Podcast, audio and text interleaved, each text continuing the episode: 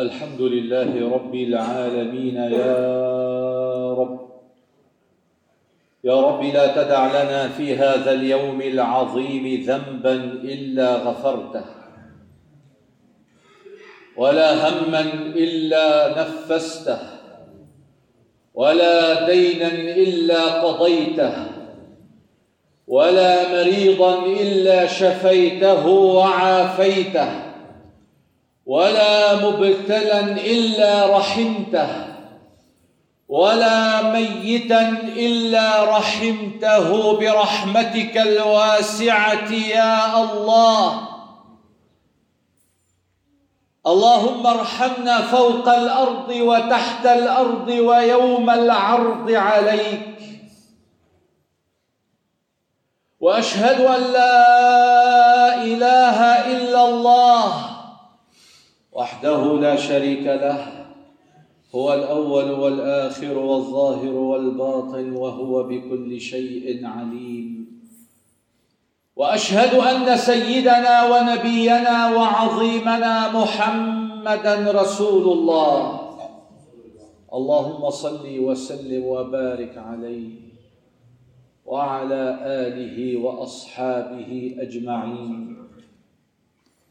ومن تبعهم بإحسان إلى يوم الدين. وبعد معاشر الأكارم أوصيكم ونفسي بتقوى الله عز وجل وأحثكم وإياي على طاعته ونستفتح بما فيه الخير. ربنا تبارك وتعالى يقول يا أيها الذين آمنوا نداء للمؤمنين. وبعد النداء يأتي أمر أو نهي. يا أيها الذين آمنوا اركعوا واسجدوا واعبدوا ربكم وافعلوا الخير لعلكم تفلحون.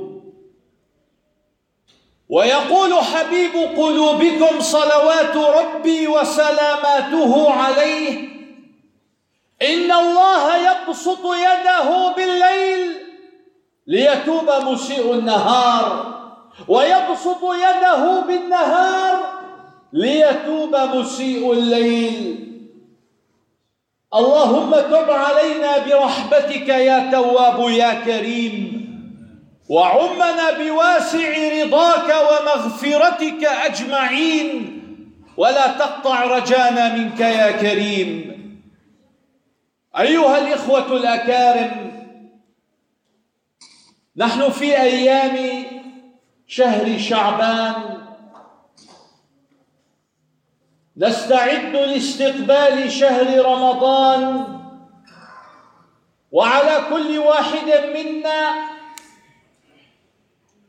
أن يغتنم ما تبقى من شهر شعبان وأن لا يدع هذه الأيام القليلة تذهب كغيرها من الأيام سدى. علينا اولا استعدادا لاستقبال شهر رمضان. اولا أن نتوب إلى الله عز وجل. توبة نصوحة صادقة بينك وبين الله. علينا أن نتوب إلى الله من كل النقائص من كل العيوب من كل الرذائل. أن نتوب إلى الله من سوء الأخلاق ومن سوء الأفعال. أن نتوب إلى الله من الغش والكذب والخيانة. أن نتوب إلى الله من كل وصف يباعدنا عن الله. أن نتوب إلى الله من الغفلة عن الله. أن نتوب إلى الله برد الحقوق إلى أصحابها. أن نرد المظالم ولو فتش كل واحد فينا نفسه. لوجد كثيرا من حقوق الخلق عنده.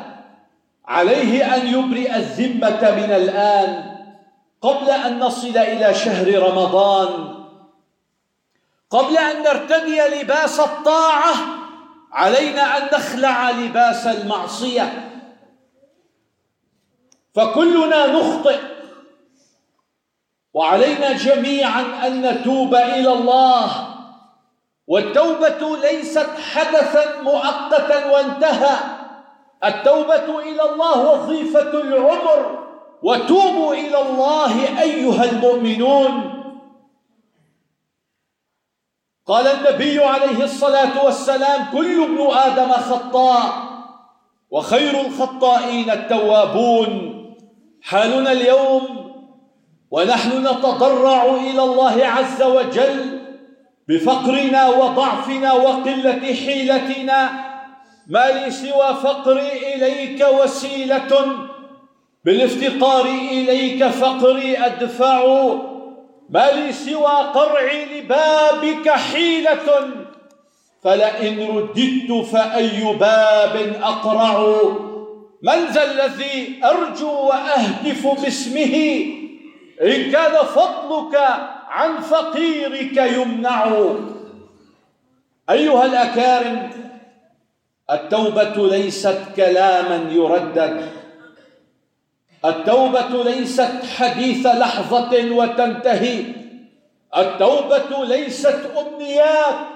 أتمنى أن يدون اسمي في ديوان التائبين.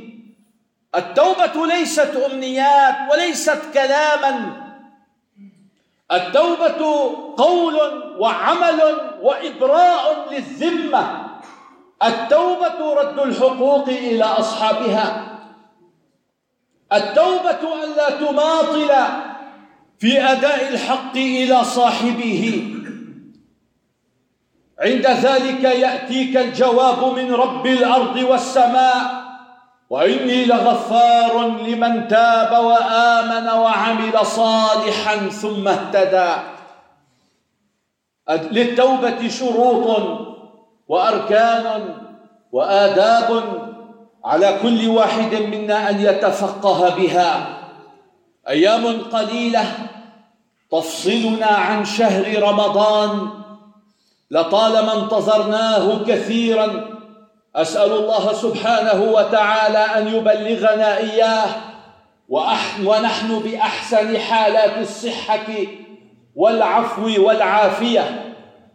رمضان إنه من أعظم الشهور عند الله عز وجل ومن أكرم الشهور على الله شهر رمضان شهر الصيام والقيام شهر القرآن والزكاة والإحسان شهر الرحمة والمغفرة والعتق من النار. واعلموا عباد الله أن النبي عليه الصلاة والسلام كان يدعو ربه أن يبلغه شهر رمضان قبل رمضان بأيام كثيرة. كان إذا رأى هلال رجب قال اللهم بارك لنا في رجب وشعبان وبلغنا رمضان. وعلى نهجه سار أصحابه ومن, ومن اتبعه بإحسان فقد ورد أنهم كانوا يدعون الله سبحانه أن يبلغهم رمضان بأشهر قبل رمضان. كان من دعائهم اللهم سلمنا لرمضان لأن الأوراق تتساقط قبل رمضان. يكثر الموت في شعبان تتساقط الأوراق في شعبان. فكانوا يكثرون من هذا الدعاء. اللهم سلمنا لرمضان. اللهم أبقنا أحياء حتى نصوم رمضان. حريصين على الطاعة والعبادة وعلى الكسب من الأجر والثواب والرحمة والمغفرة والعتق من النار. اللهم سلمنا لرمضان. وسلم رمضان لنا وتسلمه منا متقبلا. وبعد رمضان يدعون ربهم أشهرا أن يتقبل الله منهم صيام وقيام رمضان والأعمال الصالحة في رمضان. لذلك كان النبي عليه الصلاة والسلام يذكر أصحابه الكرام قبل شهر رمضان بخصائص رمضان حتى يعرفوا ويعلموا خصائص هذا الشهر. حتى يغتنموا ايامه ولياليه حتى يكسبوا أكثر من الأجر والثواب في رمضان. يذكرهم بخيراته وبركاته يذكرهم بالأعمال الصالحة والأجر والثواب فيها يذكرهم بالخير في رمضان. حتى يستعدوا لاستقبال شهر رمضان ويشمروا عن ساعد الجد والاجتهاد ويستفيدوا منه أعظم فائدة. كان يقول لهم النبي عليه الصلاة والسلام لو تعلم أمتي ما رمضان لتمنت أن يكون العام كله رمضان. والناس اليوم تستعد لرمضان بأشكال شتى. كل حسب حسب موقعه وكل ينظر إلى رمضان من جهته هو. فالتاجر ينظر إلى رمضان على أنه موسم للبيع والشراء والتجارة وتقليب الأموال. والإعلام والفن والفضائيات تستعد لرمضان من رمضان إلى رمضان مئات الشركات. ملايين العمال يعملون من أجل رمضان تنفق المليارات قبل رمضان. تتأهب استعدادا لشهر الصيام لأنه موسم عندهم للهو واللعب والباطل والغفلة والضياع واتباع الشهوات. إلا ما رحم ربي الناس تتهيأ وتستعد لرمضان بأشكال شتى. كل حسب موقعه. بعض الناس يهيئ طعاما خاصا لرمضان يخاف من الجوع ورمضان شهر الجوع. إن لم تجع في رمضان فمتى تجوع؟ إن لم تلسعك آلام الجوع فمتى تشعر بالصيام؟ وآلام الجائعين في رمضان ينبغي على الصائم أن ينخفض وزنه أن يقلل من الطعام والشراب. ويا للعجب أن بعض الصائمين يخرج من رمضان وقد ازداد وزنه. ينام طول النهار ويستيقظ طول الليل في الطعام والشراب والتسلية واللهو واللعب. عن أي رمضان تتحدث؟ عن أي رمضان ترجو لقاء الله فيه؟ الناس تتهيأ لرمضان بأشكال شتى والمؤمن يهيئ قلبه وروحه لرمضان. يهيئ روحه لنفحات الله في رمضان لتلقي أنوار الله في رمضان. يهيئ قلبه لتجليات الله في رمضان. المؤمن يهيئ قرآنه في رمضان يهيئ مجالس الذكر ومجالس العلم. وإن من أتم الاستعداد لاستقبال شهر رمضان أن تهيئ صاحبا صالحا في رمضان. يكون لك عونا على طاعة الله. وعونا لك على ذكر الله وعونا لك على التوجه إلى الله عز وجل وصادا لك عن مواطن الغفلة واللهو والضياع والسر في صلاح الصالحين الصاحب والسر في شقاوة الأشقياء الصاحب. ولا يمكن لأحد أن يستغني عن الصاحب ولو كان لأحد أن يستغني عن الصاحب وعن النصيحة باتخاذ الصاحب لاستغنى عنها رسول الله صلى الله عليه وسلم. اسمع معي إلى قوله تعالى يوجه نبيه محمد. صلوات ربي وسلاماته عليه. يقول له واصبر نفسك مع الذين يدعون ربهم بالغداة والعشي يريدون وجهه. ولا تعد عيناك عنهم تريد زينة الحياة الدنيا. كان النبي يستيقظ من الليل بعد أن نزلت عليه هذه الآية. يتلمس رؤوس أصحابه في الظلام. يقول أهلا بمن أمرني ربي أن, أصبر نفسي معهم. أصحابه ينامون أهل الصفة في المسجد. يقوم يتلمسهم. هؤلاء أمرني ربي أن أصبر نفسي معهم. مع الصالحين مع الذاكرين مع العلماء العاملين حتى تستفيد من رمضان. واصبر نفسك مع الذين يدعون ربهم بالغداة والعشي يريدون وجهه. ولا تعد عيناك عنهم تريد زينة الحياة الدنيا. ولا تطع من أغفلنا قلبه عن ذكرنا واتبع هواه. وكان أمره فرطا. أمره أن يصاحب هؤلاء وأمره أن يعرض عن أقوام آخرين. قال سبحانه ولا تطع من أغفلنا قلبه عن ذكرنا واتبع هواه وكان أمره فرطا. مرة قال الله لنبيه عليه الصلاة والسلام فأعرض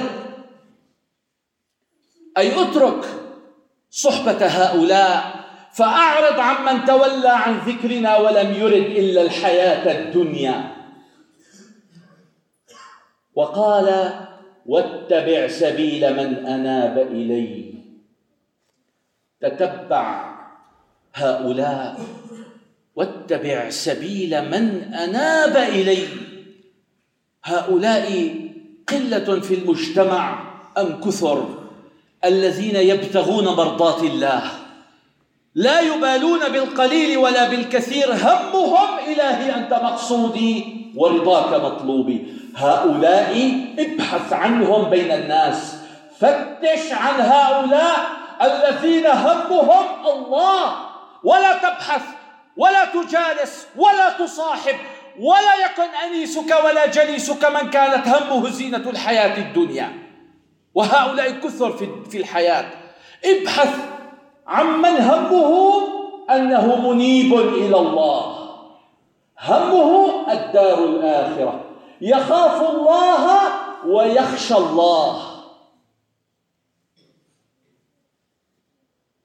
واتبع سبيل من أناب الي لو كان أحد منا يستغني عن الصاحب أو يستغني عن النصيحة باتخاذ الصاحب لاستغنى عنها الحبيب المصطفى صلى الله عليه وسلم.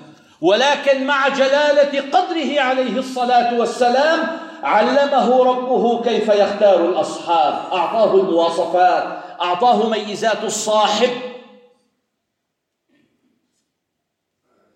الصاحب ساحب. قل لي من تصاحب أقول لك من أنت. المرء على دين خليله فلينظر أحدكم من يخالل صاحب. فصاحب تقيا عالما تنتفع به. فصحبة أهل العلم ترجى وتطلب.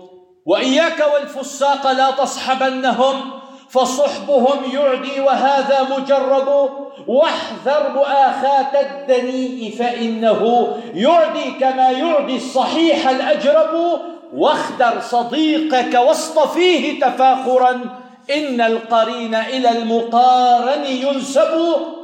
ألم يقل ربنا الأخلاء يومئذ بعضهم لبعض عدو إلا المتقين؟